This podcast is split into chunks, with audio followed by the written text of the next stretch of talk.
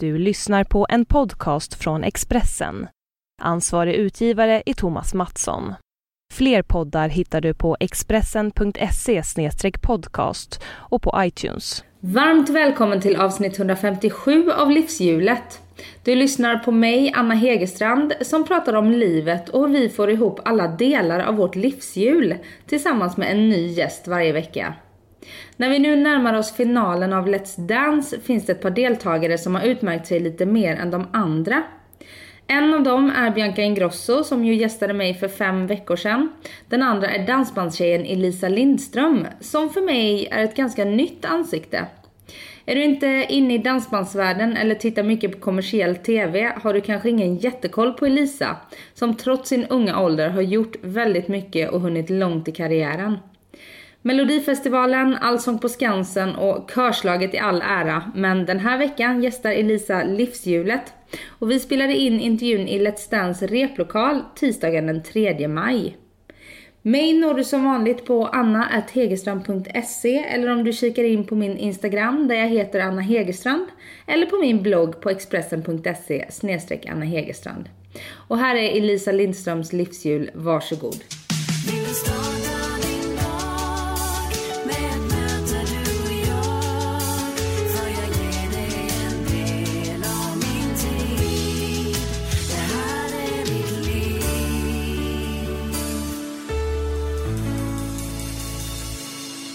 Sitter i eh, er danslokal. Ja. Din och Ivos. Ivos Mm. danslokal. Har ni den här själva eller? Eh, nej, vi delar. Vi har tre träningslokaler här som vi delar eh, på. Och i början var det faktiskt ganska svårt att få till träningstider när vi var så många.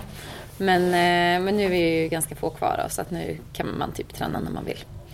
Men vi kör mycket tidiga morgnar så vi har varit igång här sedan sju i morse. Så, mm. Är du en morgonmänniska? Ja, det är jag. Jag gillar det. Jag har inte kunnat vara morgonmänniska när vi har... Vi har ju turnerat med dansbandet i fem år. Och då har man varit tvungen att, att bli nattmänniska liksom. Vi har jobbat nätter. Och aldrig orkat egentligen gå upp tidigt på morgnarna även när vi har varit lediga. För man, man orkar inte ställa om. Så jag njuter av att få gå upp tidigt. Särskilt nu när det är vår och soligt. Och, mm, älskar det. Hur många timmar tränar ni sen per dag? Um, vi kör väl... Snittar väl på fyra ungefär. Fyra, ja fem kanske här nu när vi börjar närma oss slutet. Men man orkar inte så mycket mer. Både kroppen och hjärnan måste få vila också. Känns det som att, eh, som att eh, de här vinnarinstinkterna, att du vill vinna, har blivit starkare nu ju längre i tävlingen du har kommit? Ja, kanske lite. Eh, sen är det så här, och det, det står jag fast det sa jag redan från början och det, det är samma sak nu. Alltså, jag vill gå till final för att jag vill vara kvar så länge som möjligt och få lära mig dansa så mycket som det bara går. För jag tycker det här är så roligt. Så det är liksom den stora anledningen till att man vill gå till final. Eh, att, att, om man skulle vinna så är det en st- stark bonus men, men själva resan i sig är det som är den stora vinsten för mig. Eh, Jag har verkligen lärt mig jättemycket på det här och utvecklats personligt väldigt mycket. På vilket sätt? Eh, nej men att man får eh, använda sin kropp. Alltså jag har ju bara använt rösten tidigare som ett uttryckssätt när jag eh, varit ute och sjungit. Och nu får man eh, lära sig använda kroppen för att uttrycka känslor. Och det kommer jag ha med mig hela livet. Alltså på scenen. Eh, oavsett vad jag vill göra i framtiden. Liksom, så. Och också att, att få känna sig bekväm i sin kropp. Att känna att man, alltså, hållningen har blivit bättre. och Jag vågar så här, sträcka på mig och, och känna mig trygg. Det är ju guld värt. Hur var det innan, ni, innan du skulle, liksom när du fick frågan, man ska ju ändå så dansa inför Mm. någon miljon människor eller fler i ganska små kläder och visa upp sig. Mm. Kändes det som en utmaning? Han, jag tänkte nog inte så mycket på just det. Jag bara blev så glad över att få frågan att just få lära sig dansa. Eh, sen kom väl det i kappen lite men jag, jag har ju med mig ändå att man har stått på scenen mycket och jag har gillat korta klänningar tidigare också så att det... ehm, nej, det, det var, var nog inte så stor utmaning för mig just den biten med TV och Eh, Sen är det väl det här att göra någonting som man inte har kontroll över. Att göra någonting som, som man bara kastar sig ut och visar upp något, något som man egentligen inte kan. Eh, Det har varit en utmaning och det är det jag märker att jag har lärt mig allra, allra mest på.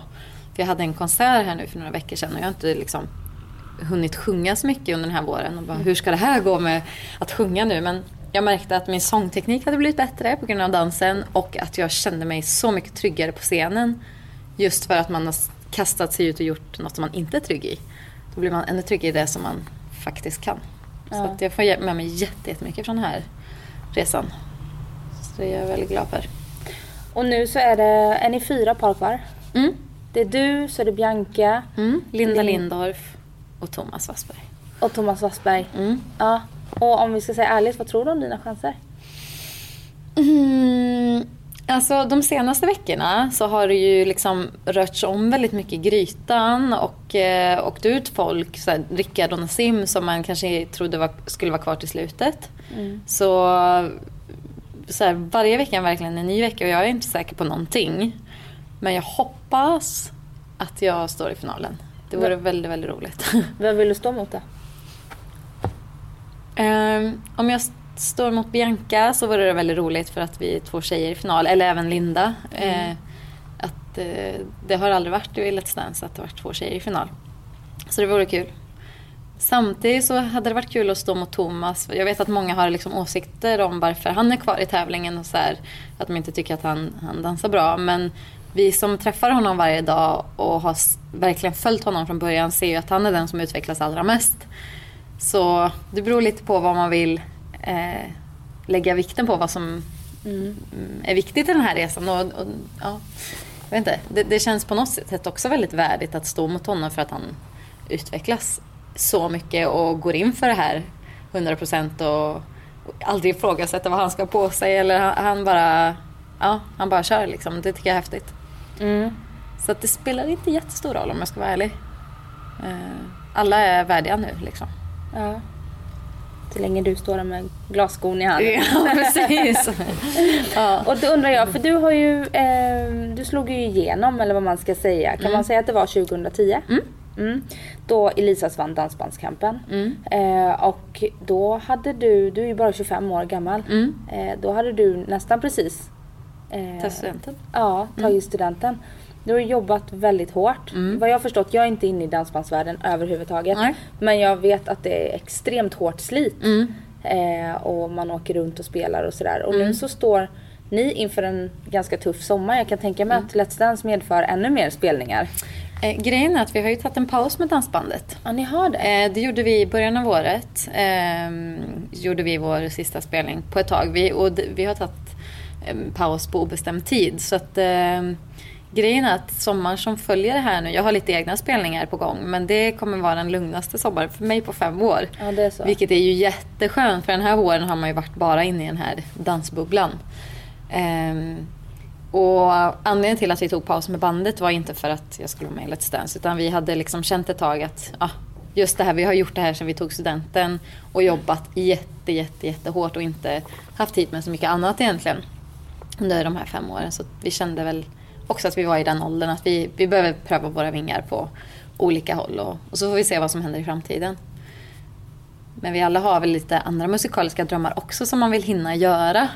Och, och med dansband så är det svårt att göra både och. Man får nog antingen köra 100% eller så får man ta en paus och så vi får se lite vad som händer. Men min sommar nu är jag åker ut och gör lite egna spelningar, lite allsånger och lite olika typer av konserter. Men annars väldigt lugnt faktiskt. Så det ska bli skönt.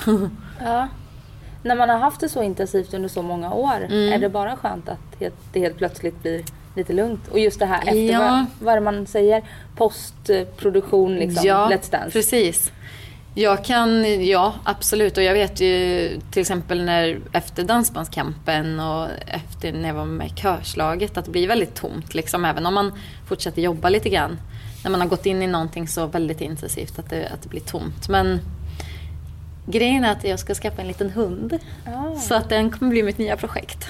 Så det, den kommer nog ta mycket liksom, fokus under min sommar. Och, jag, och den kommer komma 14 eller 15 maj här nu och skulle man gå till final så är det liksom under finalveckan. Så att den överlappar lite där. Mm. Så att jag, det, det passar väldigt bra att den kommer då. För då ja, så jag behöver tiden. Mm. Vad är det för en liten hund? Det är en eh, tolling retriever. Mm -hmm. Tollare. Mm. Eh, ja, det ska bli roligt. Jag har länge, eller jag och Marcus då, min kille, har länge velat ha hund men inte haft möjlighet eftersom vi har turnerat så mycket med bandet. Så nu när vi bor här i Stockholm då är lite mer rotade så, så passar det bra. Mm. Just det, för du är ju född och uppvuxen i Töreboda Mm. som vi pratade om här när du satt och åt frukost. Ja. Mm. Eh, och att jag också har barndomsminnen från eftersom att jag Ja. hade landställe precis bredvid. Ja. Eh, och flyttade till Stockholm för ett och ett halvt år sedan, lite drygt, Mm. med din fästman. Mm. Mm. Exakt. Hur var det att komma från, för Töreboda är ju väldigt, väldigt ja, litet. Ja.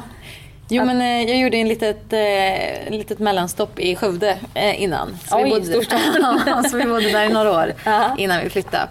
Eh, men jag har ju varit väldigt mycket här uppe i Stockholm eh, under de år sen vi slog igenom, så här, pendlat hit nästan ibland varje vecka. Liksom, så här, så att, eh, det blev ganska flängigt att dels vara ute på turné på helgen och sen så på veckan var man tvungen att åka hit för att eh, liksom jobba i studion eller gå på möten och sådär. Så att faktiskt så fick jag ett lugn i kroppen när vi flyttade hit, tro det eller ej.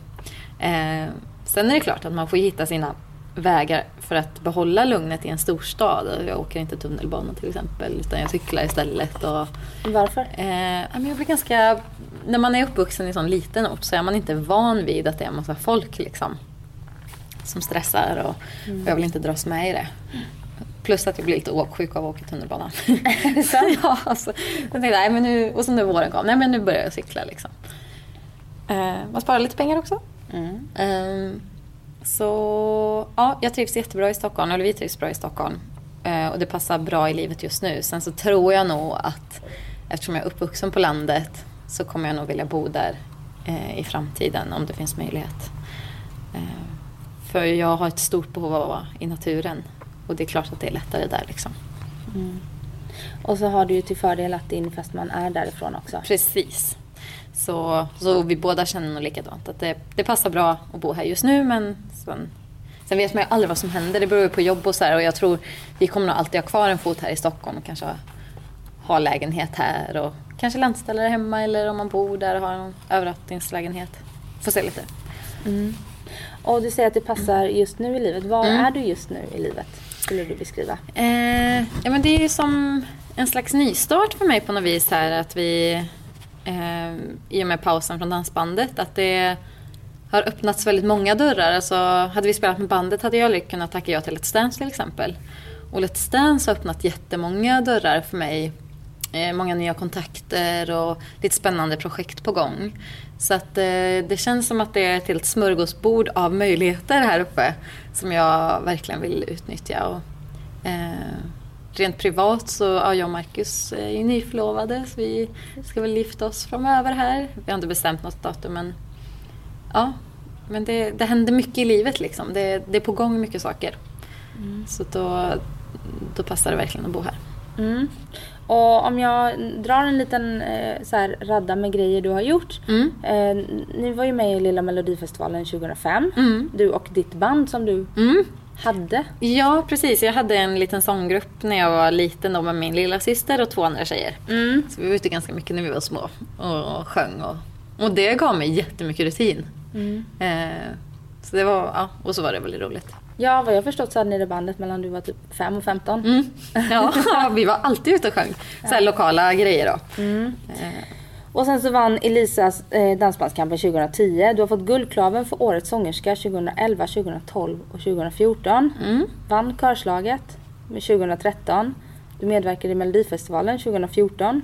Och ni blev Årets dansband på Grammyskalan 2014-2015. Mm. Det är väl lite det av så här, eh, ja, Mm. som du har gjort. Ja. Och du är född 1991. Ja. Ehm, man, ofta vad jag förstått så får man som dansband slita ganska många år innan det lossnar. Mm. Varför tror du det lossnade så fort för, för er? Eh, ja, men det, det, ju, det var ju Dansbandskampen att vi slog igenom. Men jag, jag tror också anledningen till att vi slog igenom och kunde eh, behålla den framgången som vi fick där. För dansbandspubliken är ändå ganska kräsen. Så det räcker inte bara med att, eh, att det går bra i en tv-tävling. Utan man måste ändå jobba för det. Men det jag tror var att vi kom... Vi, vi fyllde ett litet hål som var tomt. Liksom. Det, ett ungt band som verkligen tar dansmusiken, den traditionella dansmusiken på allvar och verkligen står för det. Plus att det inte finns så många tjejer i branschen, unga tjejer. Det gör inte eh, det? Nej. Eh, kommer väl lite mer och mer nu liksom. Och, men det är ju alltid brist på tjejer i musikbranschen överlag. Eh, så så att jag, jag tror vi kom in väldigt rätt i tiden liksom. Eh, har du eh, stor press på dig själv eftersom det har gått så bra hittills att fortsätta Mm. lyckas? Eh, alltså, både och. Jag har väldigt höga mål och jag kämpar väldigt mycket för mina mål. Men jag är inte besviken om jag misslyckas. Eh, jag är tävlingsmänniska liksom och vill framåt. Men jag skulle nog vilja säga att jag har ganska bra balans med att eh, ändå så här, vara schysst mot mig själv. Eh, om inte så har jag för, nog hittat det. Eh, för att jag var tvungen att hitta det de senaste, senaste åren. För att musikbranschen och den här branschen är så... Det finns så mycket beslut som ligger i andras händer om hur det ska gå för mig. Och, och också saker som jag aldrig kommer kunna påverka. Så att jag försöker alltid tänka att gör jag bara mitt allra, allra bästa eh, och tror på det jag gör så kan jag liksom inte göra mer. Alltså så här, gillar inte folk det jag gör då så, nej, då får det väl vara. Och hur gick det till när, när du bestämde dig att det är dansband som är din grej? För det är ju Mm, inte ja. så vanligt som sagt bland unga människor. Nej, men där jag är uppvuxen är det ju väldigt vanligt, eller vanligt, men det är ju schlagernästet liksom, Skaraborg. Ja. Ehm, och jag har alltid älskat Melodifestivalen och, och jag var ute mycket på talangtävlingar när jag var yngre. Där jag, så här, Schlagerstjärnan hette en talangtävling där man sjöng schlagerlåtar och, och schlager och dansband det ligger ju väldigt nära. ja, det brukar det göra det i alla fall. Ja, jo, men precis. Nu är det ju, ja men nu har ju slag, den gamla slagen liksom Ja, försvunnit lite så. Men om man tänker den gamla slagen som var när jag växte upp. Eh, mina föräldrar har lyssnat en del på dansband och mamma är gammal kompis med Lotta Engberg. Så att det har liksom funnits i, min morfar hade dansband när han var, eh, ja, när han växte upp och så här. Och, eh, sen så började vi, men jag hade väl kanske inte tänkt att jag skulle bli dans- dansbandssångerska. Jag visste att jag ville bli sångerska. Men sen när vi gick på gymnasiet då och jag träffade mina bandkompisar så kom Dansbandskampen på TV. Och eh, då året innan vi sökte så var det med ett band, ett gäng killar från, eh, från Skara som vi kände. Eh, några kompisar till oss som det gick jättebra för och de fick massa spelningar. Eh, och verkligen slog igenom, Sekes. Och då kände vi att nej men det här vore ju någonting för oss. Eh, så att, eh, och då kändes det väldigt rätt. Att men gud, det är ju det här jag liksom på något sätt är uppvuxen med och det är det här som ligger väldigt nära mig. Bara att jag kanske inte hade kommit på det själv. Så då satsade vi och så kom vi med och så gick det väldigt snabbt sen. Mm. Och din mamma vad jag förstått var lite så här lokalkändis. Mm, ja, Torbo är väldigt litet så alla känner ju alla. Nej, men hon har varit ute och sjungit mycket. Alltså, så, och, vi, och morfar, eh, alltså, vi är ute och sjunger mycket tillsammans. Liksom, familjen var vi när, när jag var yngre. Så att kändis skulle jag väl kanske inte vilja kalla det men... Det är man automatiskt ja. när man föds i Töreboda. Exakt, exakt. Ja. Hur var din uppväxt då? Eh, väldigt trygg. Eh, ja, men mycket musik har det ju varit. Alltså, just med morfar då, som spelar dragspel och mamma som spelar och sjunger. Eh, pappa är snickare så att, eh, och liksom så här, lite idrotts, idrottsbiten. Så jag har verkligen fått både det musikaliska och sen har jag hållit på väldigt mycket med idrott. Jag var lite utav en pojkflicka när jag var liten. Och jag spelade fotboll och hockey. Och, eh, att växa upp i Töreboda är, var väldigt enkelt. Liksom, för att jag kunde cykla till alla aktiviteter. Så det var mycket aktiviteter. Eh, jag provade nästan på allt som fanns där. Eh, förutom dans då, som inte fanns i den lilla orten. Nej. Men, Det är lite eh, roligt att du är dansbandssångerska och inte har dansat Ja. innan det. Ja, ja. Och ändå är så pass duktig. Ja, men det var så här, när vi skulle, precis när vi startade bandet så var det så här, pappa har alltid älskat att bugga. Så då så här, han bara, nej men den där låten kan du inte spela för den går inte att bugga till. Jag bara, nej varför inte då? Han bara, ja men kom här så ska jag visa dig. Och så dansade vi lite. Jag bara, ah, nej det kände jag att det funkar inte. Så han fick eh, liksom prova ut vilka låtar. Mm. Men eh, ja, jag är glad att jag har vuxit upp i Töreboda. Skulle du vilja låta dina egna barn växa upp där också? Mm, kanske. Jag vet Eller inte nu om- tar jag för givet att du vill ha barn. Eh, ja, det vill jag ha. Det vill jag ha. Men jag vet inte om jag själv kommer flytta tillbaka dit. Vi får se. Men, ja. Jag vet faktiskt inte. Precis, vi är här nu. Ja, vi är här. Vi är här. Ja. Ehm, och, och så träffade du, du träffade dina, ditt band Mm. i skolan. Men det var först när du gick i sista året på gymnasiet och de hade gått ut som ni bildade Elisas. Mm, precis. Och i det här bandet spelar ju också din fästman. Mm. Och ni har känt varandra i typ åtta år och varit tillsammans i drygt fem. Fem? Ja. Ja. Hur, eh, hur kom ni på att det var kärlek där? Tre år in i Ja, precis. Eh, nej, men han var nog, vi var nog lite smått intresserade av varandra kanske på gymnasiet men förstod nog inte, eller jag fattade nog inte riktigt eh, helt då. Och sen så var vi väldigt, väldigt nära vänner. Och sen när vi började spela och turnera ihop och verkligen började umgås igen på riktigt liksom eftersom han ändå försvann ett år där och gjorde lumpen typ och så kom han tillbaka och hade blivit man. Ja, exakt. Det var väl det som var. Eh, och så började vi liksom, och så kom Dansbandskampen och så blev det väldigt, väldigt intensivt. Och då var det så att, nej men det är ju vi liksom. Mm. Så, men eh, så, så vårt förhållande bygger på en väldigt stark vänskap som jag tror är, det kommer nog göra så att det håller. Liksom. Och hur har det funkat att eh, två i bandet är tillsammans? Eh, jo men det har funkat väldigt bra. Alltså jag är väldigt, väldigt tacksam för att, eh, att jag har haft med Marcus på den här resan. För att det är ju ett väldigt slitigt liv och jag tror jag hade klarat av det annars. Men det har underlättat verkligen att ha med honom. Och ibland när det blir jobbigt att han kan trösta mig liksom och ta hand lite om mig och så här. I Eh, vilka situationer då? Ja, men, eh, ibland så blir man ju utsatt liksom för alltså folk. Danspubliken är väldigt, väldigt trevlig men ibland så kan det komma fram ganska otrevliga människor också. Och ja, ibland så här kan de skälla ut en för att det har varit så här, att vi har spelat för högt eller att det varit dåligt glid på golvet. Och så här, det är mycket såna här småsaker som vi kanske inte har så mycket med att göra. Som man ibland som sångerska får skiten för för att man är ansiktet utåt. Och då i början hade jag väldigt svårt att eh, inte ta åt mig. Så att jag tog åt mig av allt som folk sa liksom, och då blev man ju ledsen. Så då har han varit ett stort stöd. Liksom, Nej men lyssna inte på det där och nu fokuserar vi på det här istället. Typiskt kvinnligt och manligt så här. Ja, man tar åt sig. Ja. medan killar har lite... Ja, lättare för att borsta av sig. Så... Och bara grejer när vi är ute på aslånga turnéer och man längtar hem typ. Och då är det ju jätteskönt att ha med sig sin kille liksom. För då blir inte hemlängtan lika stor. Eh, sen så är det klart att vi har haft...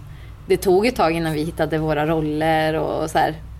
Vi har fått kämpa med att inte ta med oss arbetet när vi kommer hem liksom. Mm, När man jobbar och driver, särskilt när man driver ett företag ihop. Men det har också varit så här, när man får en idé då så har man ändå honom där och kan bolla på en gång även när man är hemma eller när man vaknar mitt i natten och får en idé. Och, eh, men eh, vi, vi fann en balans till slut liksom, och då var det väldigt, väldigt bra. Hur funkar det nu när eh, Elisas ligger på is? Mm. Nej men vi, eh, vi driver ju fortfarande vårt företag ihop och han är ute och spelar och vi spelar tillsammans. Så eh, vi fortsätter jobba ihop så mycket som det går. Eh, Men nu kan vi välja lite mer vilka spelningar vi vill göra tillsammans. Förut var det ju hela, hela tiden. Eh, Så det är faktiskt ganska skönt att det är på det här viset nu. Visste du redan ganska tidigt att "Nej, men, det här livet kommer jag inte vilja leva? Ja, För alltid. ja det, ehm, inte på heltid i alla fall. Att man bara vill göra, för det är slitigt. Alltså, det är ju, man missar ju minst två nätters sömn liksom i veckan. eh, när man sover i bussen och det, alltså hälsan tar ju stryk av det. Ehm, så för att tänka långsiktigt att man vill hålla sig frisk och pigg hela livet så det är ju synd att det ska behöva vara så för jag älskar ju musiken liksom. Men eh, man kan göra lite dansband, göra någon eh, turné framöver. Som, men det här att det pågår året runt, det, det känner jag är lite för tufft. Men sen så, man kan kombinera det och sen så har jag andra drömmar inom musiken också som jag vill göra. Som inte är lika slitiga. När man inte jobbar natt liksom. Vad är det för drömmar? då? Jag skulle någon gång vilja göra musikal. Eh, och Det har jag i och för sig hört, det är väldigt, väldigt slitigt Ja, när man är i och för sig. musikal. Absolut. Men jag tror så här, bara jag slipper jobba natt så jag, då är jag glad. För jag gillar att jobba mycket. Alltså så här, som Let's Dance är ju jätteslitigt egentligen. Vi tränar ju många timmar om dagen och det bara pågår. Men så länge jag får sova så så gillar jag att jobba hårt. Liksom. Eh, så det skulle jag vilja göra. Och sen har jag, men jag håller på att skriva på lite nytt material och så här nu. Så jag förhoppningsvis kan släppa snart. Så ja. Och då blir det för hur många... Elisas har släppt sex studioalbum. Mm.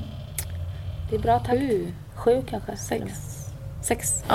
Mm. Ja. Ja. Och nu så skulle det komma en soloplatta då. Ja, ja, det är inte bestämt än att jag ska släppa någon soloplatta men jag har släppt en soloskiva under den här perioden också. Eh, så vi får se om det blir ett album här framöver eller det är inte riktigt bestämt än men jag håller på att jobba fram lite material så får vi se vad som händer med det. Hur vill du att det ska låta det? Eh, alltså jag gillar ju att sjunga på svenska. Eh, och jag gillar det som är folkligt. Och det som är organiskt, liksom riktiga instrument. Så man, man kommer känna igen mig. Mm. Men det är eh, kanske lite... Ja, jag vet inte. Vi får se. Mm.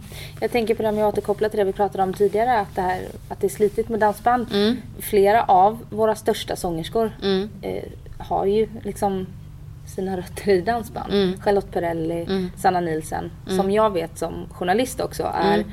två av de proffsigaste att jobba med. Mm. Ehm, så att där kan jag tänka att man har en väldig fördel att skolas i Ah. ett dansband. Jag är jätte, jättetacksam för det.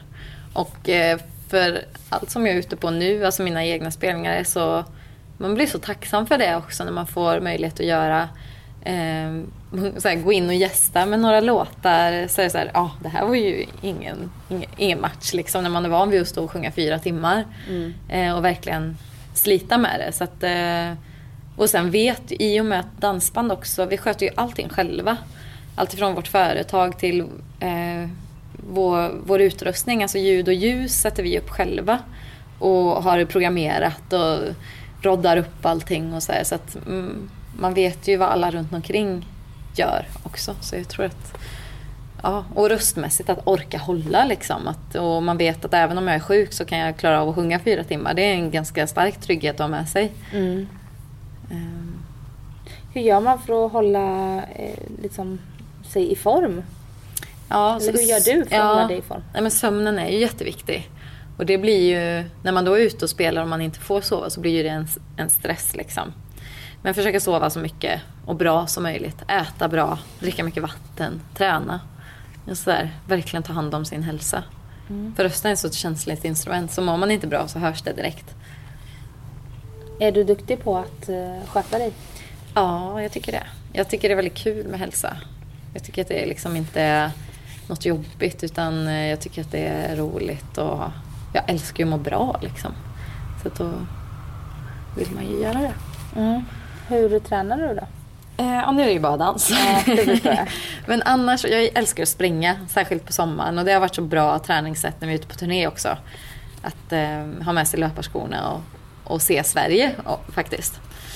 Eh, sen gillar jag att träna på gym och alltså yoga och försöker variera mycket. Men just att träna i naturen tycker jag är det bästa.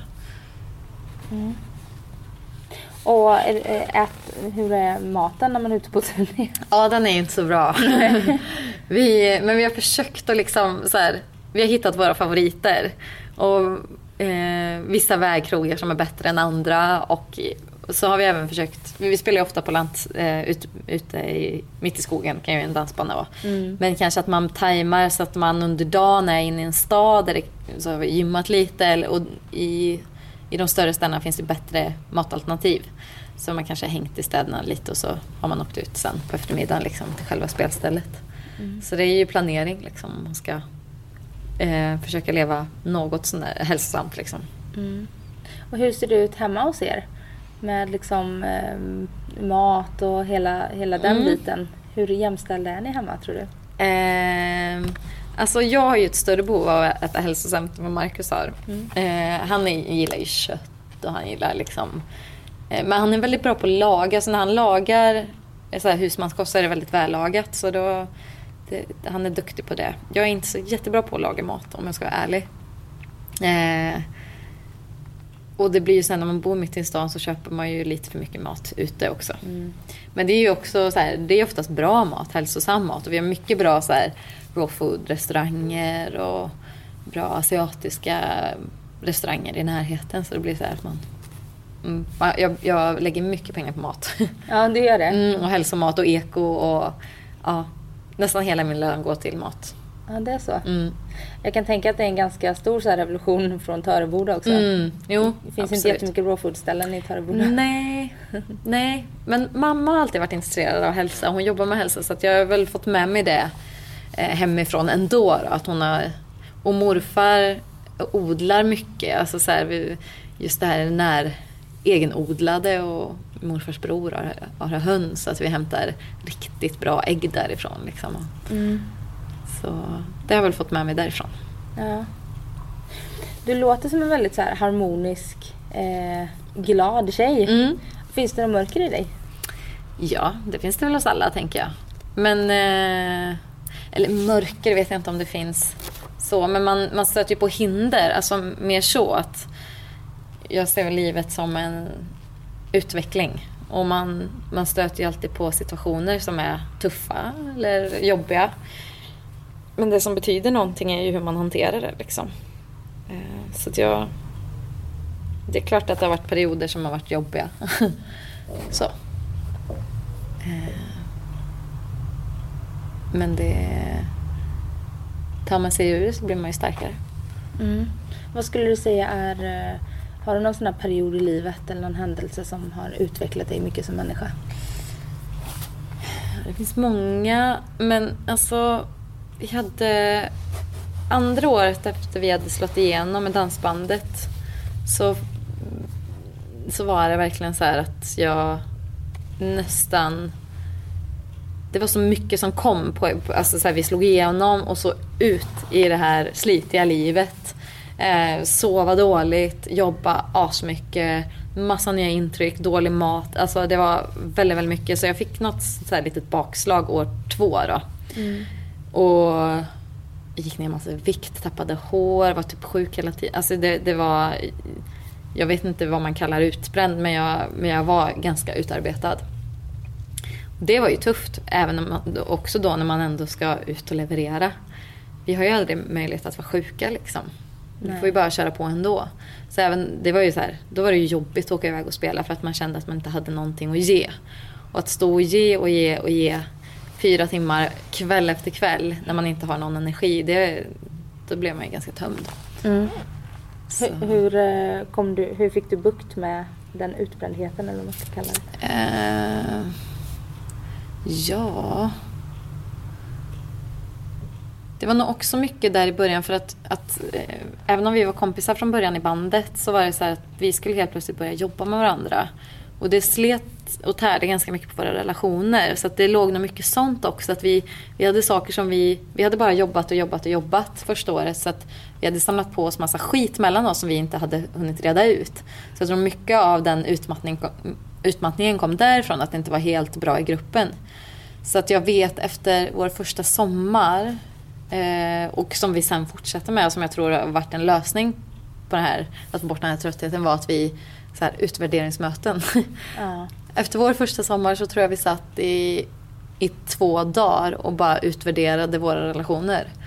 Och det har var- varit, det var ju jättetufft såklart att så här, fejsa alla problem och, och, och liksom öppna sig inför varandra och särskilt prata om så jobbiga saker som man har skapat med sina bästa vänner. Liksom. Mm. Men det är nog det som har gjort att vi ändå så här har hållit ihop sen. Att vi, så fort det är någonting så har vi haft möte. möte, möte, möte. Och, så det var nog en lösning på, på problemet. Sen var det så ja, men börja bara försöka ta hand om sig. Och det var väl också lite i början att jag var så rädd att eh, när vi spelade så mycket så tappade jag kontakten mycket med, med vänner för att man var borta varje helg och en hel sommar och, och då blev det en stress när man kom hem så att jag, jag måste hinna träffa mina vänner liksom. Och, så att, när jag sen insåg att nej, jag får nog bara vara hemma och vila, jag får bara lita på att de finns kvar. Då började så här, jag må bättre sen att man inte kände någon, den här pressen när man kom hem. Men det är ju också, det är kanske lite därför man har valt att ta den här pausen också. Att man vill ta ikapp sådana bitar som man har tappat de senaste åren. Har du märkt av någon avundsjuka för att det har gått bra för dig? Ja, absolut. Det har jag märkt av hela livet. Alltså så. Mm, även när du var liten? Ja, och alltså vi var ju ute och sjöng mycket och så här, var med i Lilla Melodifestivalen när man var liten. Och så här, det, när det går bra, för, alltså det, så är det ju. Men därför tror jag också att jag lärde mig ganska tidigt hur man hanterar det. Hur hanterade du det? Bara borstar av sig. Men samtidigt, ibland blir man ju jätteledsen. Det beror ju på vem det är som är avundsjuk. Ja, är det någon nära så är det klart att det, det tär ju. Mm. Eh, och vissa dagar är man känsligare. är känsligare. Hur är det för, för du är uppvuxen, hur många syskon har du? Jag har en lilla syster som är helsyster och så har jag två äldre halvbröder. Just det. Eh, men Alma är den som jag har vuxit upp med då. Mm, och Alma sjunger också Mm, va? mm. Ehm, har, du, har du märkt av någonting liksom eh, mellan er? Att så här, du är den som har slagit? Ja, nej. Ja, vi har, jag och Alma har pratat väldigt mycket om det här och vi har ju, trots att vi har sjungit mycket ihop ända sedan vi var små, aldrig känt någon avundsjuka mot varandra. Eh, vilket är ju jätte, jätteskönt och vi är så olika så att vi, vi kan inte jämföra oss med varandra. Däremot tror ju folk, eh, särskilt där hemma i Turbora när det pratas mycket och all, alla känner alla, så här, ryktena går att, att, att vi skulle vara väldigt osams. Att det skulle vara väldigt synd om Alma för att eh, ja, men det går så mycket rykten liksom att, att, det, att det skulle vara spänt mellan oss för att det har gått bra för mig och inte. Men då, jag och Alma skrattar ju bara åt det. För vi är, Alma är verkligen min bästa vän och det är ömsesidigt. Hon är ju stor stöttepelare för mig och alltid någon jag kan bolla saker med som är totalt ärlig liksom. Hon bor kvar där nere? Mm, hon bor i Skövde. Mm. Men hon är uppe här mycket och hälsar på och jobbar lite med oss i studion och, och så. Mm. Sen har ju hon aldrig velat göra dansband så att det är ju... Det har ju aldrig blivit någon konkurrens på det viset. Så. Nej. Jag tror annars att det är så här. Jag har också en syster, en Mm. lilla syster. Vi är inte alls i samma bransch heller. Nej. Ehm, men att det kan vara större konkurrens mellan systrar än mellan bröder på något sätt. Precis som Ja. det är med tjejer i allmänhet. Ja. Mellan Jo. väninnor mer än... Jo men så kan det kanske vara. Absolut. Men det är väldigt skönt att jag och Alma aldrig haft någon sån, eh, eh, några sådana känslor. Alltså dåliga avundsjuka känslor. Så det är jätte, jätteskönt. Det hade varit tufft tror jag. Om man hade känt så. Ja. Ehm, ja, och sen vi pratade lite om eh, er förlovning också. Mm. Du har varit lite förtegen om den och så här, Ja. ah, jag vill inte berätta riktigt hur det gick Nej, till och. Det nej. behöver du inte göra. Nej. Men jag undrar bara hur ni tänker, eh, har du så här planerat ditt bröllop i tanken sen, sen du var liten eller? Ja, men man har väl vissa sådär eh, tankar. Men samtidigt så ändras de ju närmre bröllopet jag kommer. Att det är så här, värderingarna alltså så här, ändras så. För att nu inser man att alltså när man var liten var ju det bröllop själva stora grejen. Alltså det här fysiska. Men nu är ju bröllopet handlar ju bara om mig och Marcus nu liksom. Och vår kärlek. Så att det, det har ändrats mycket. Mm, du blir ingen bridezilla tror du? Nej. Nej men jag vill ha, alltså jag vill ha det enkelt med de närmsta. Eh, eller jag vill ha mycket folk för jag, vi har mycket vänner liksom. Men eh, det får gärna vara enkelt och det mycket musik vill jag ha. Massa, massa musik för vi har så mycket musikerkompisar så att eh, eh, det är det viktigaste. Mm. Och ni har inte bestämt något datum? Nej, det har vi inte gjort. Vi, eh, vi har knappt bestämt om det blir nästa sommar eller inte. Vi, det har så mycket Let's Dance att vi, man har liksom inte hunnit tänka så mycket på det. Mm, jag förstår det. Hur, eh, nu när det är så mycket med Let's Dance och så, hur gör du för att koppla av och varva ner och sådär? Att få distans till det? Ehm, ja, Marcus har ju varit en alltså, väldigt stor stöttepelare i den här resan. Han ehm, har ju liksom servat mig. Trots att han har haft mycket att göra så har han då så här, lagat mat och han har skött så städningen väldigt mycket hemma och, och verkligen backat upp mig. Så, så han får ju mig väldigt lugn. lugn. Så vi har så här, många lugna hemmakvällar liksom. Ehm, och sen har jag försökt att gå mycket på massage faktiskt. Ja, vad skönt. Ja, så kroppen håller sig fräsch också. Ingår det i Let's Dance eller får man bekosta det själv? Eh, nej, vi har ju kontakt med några kiropraktorer. Men jag har en som jag har gått hos innan också som, som är jätte, jättebra. Som, eh, som jag fortsätter gå hos. Mm. Så, Men jag har även varit hos dem Let's Dance lite på fredagarna när de är där. Och sådär. Bara förebygger mycket så här, så man inte skadar sig. Ja. Och det handlar ju om att kroppen ska vara stark och utvilad också. Så att vi har varit ganska noga med att planera in vila lika mycket som vi planerar in träningen. För att inte skada, skada mig. Sen undrar jag, eh, vi pratar ju om livet och livshjulet och Mm. ekonomi är en del av det. Mm. Tjänar man bra som dansbandssångerska? Mm, jag skulle inte vilja säga att man tjänar så bra med tanke på hur mycket man jobbar. Mm. Så man måste spela väldigt mycket för att få det att gå runt. Och för att få en vettig... För att få en normal månadslön så måste man jobba väldigt, väldigt mycket. Eh, så det skulle jag inte vilja påstå. Nej. Man tjänar ju väldigt mycket mer på att göra, alltså vara va, eh, vara någon annan typ av artist tror jag. Ja, var känd tänker jag. Ja, att man får väldigt precis. mycket. Ja. Ehm. Men sen får man så mycket annat med dansband. Alltså man får en stark publik som köper en CD-skivor och man, man, man får en trogen publik. Så att på det sättet är det värt... Det är också rikedom att ha, att ha många trogna följare liksom. Mm. Så att det, det har väckt upp de, de där låga gagerna liksom. Mm. Och hur känns det nu då när du har, för du är ju frilans. Liksom. Mm. Mm. När du har en ganska oplanerad sommar. Mm. Hur känns det ekonomiskt? Eh, ja, det är nytt. Alltså det som är tryggt med dansband är att man ändå har, man vet ett år framöver vad man ska göra. Så att, eh, Ja, ni får spelningar så tidigt. ja, ibland nästan ett och ett halvt år. Så att då, då vet man ju att det, det går bra i alla fall. Liksom, så att, att man klarar sig. Mm. Här är ju mer, någon period kanske man tjänar jättebra och någon period ingenting alls. Så det är klart att det är lite mer ostadigt. Mm, men den, den risken får jag ta. Är du bra på att hushålla med det du har? Då? Eh, nej, jag skulle nog vilja säga att jag är en slösa. Marcus blir lite irriterad på mig ibland. Vad köper du?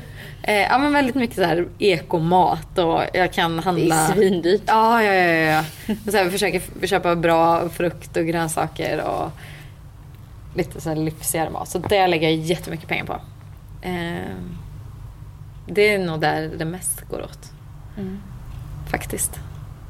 Du får börja köper- handla på, ska jag inte nämna några nå var, Nej. nu, men, men icke-eko nu då. Ja, precis. Ja. Nej. Jag ska försöka att... Eh, alltså så här, jag- det är en sån lyx för mig liksom. Att, eh, att få äta bra. Så att, eh, har jag möjlighet så kommer jag fortsätta lägga pengar på det. Mm. Det Eller spara in på något annat. Typ taxiresor som jag åker lite för ofta också. för att slippa åka tunnelbana. ja, när jag inte orkar cykla. Å andra sidan, att äta bra är ju en investering i sig själv. ja, men det är ju det. Man kanske sparar in på något annat då, tänker jag. Och nu så ska jag, eh, eller vi ska släppa in din danspartner Mm. som står och rycker, nej det var inte han, i dörren. Ja. Ehm, men tack snälla för att du ville Mm. gästa Livshjulet. Ja, tack för att jag fick med. Och lycka till nu Tack. med allting. Ja, tack så mycket. Ja, så får vi säga till lyssnarna också att ni får ringa och rösta på Elisa på, på fredag. Gärna. Ja, jag har så roligt i Litstans. Så det är underbart. Härligt. Ha det bra nu. Ja, tack så Hej. Jag tog en liten sväng med din nya bil. Jag borde väl ha vänt men en sax som en pil. Oh. ah, ah, ah, Jag bara körde. Med vinden i håret och med radion på. På högsta volym och att du ringde just då. Inget jag hörde. Jag fick nyss med mobilen som du gömt för mig. Oh. Ringde upp varenda en som drömt om dig Åh, Jag och många tjejer så Alla 82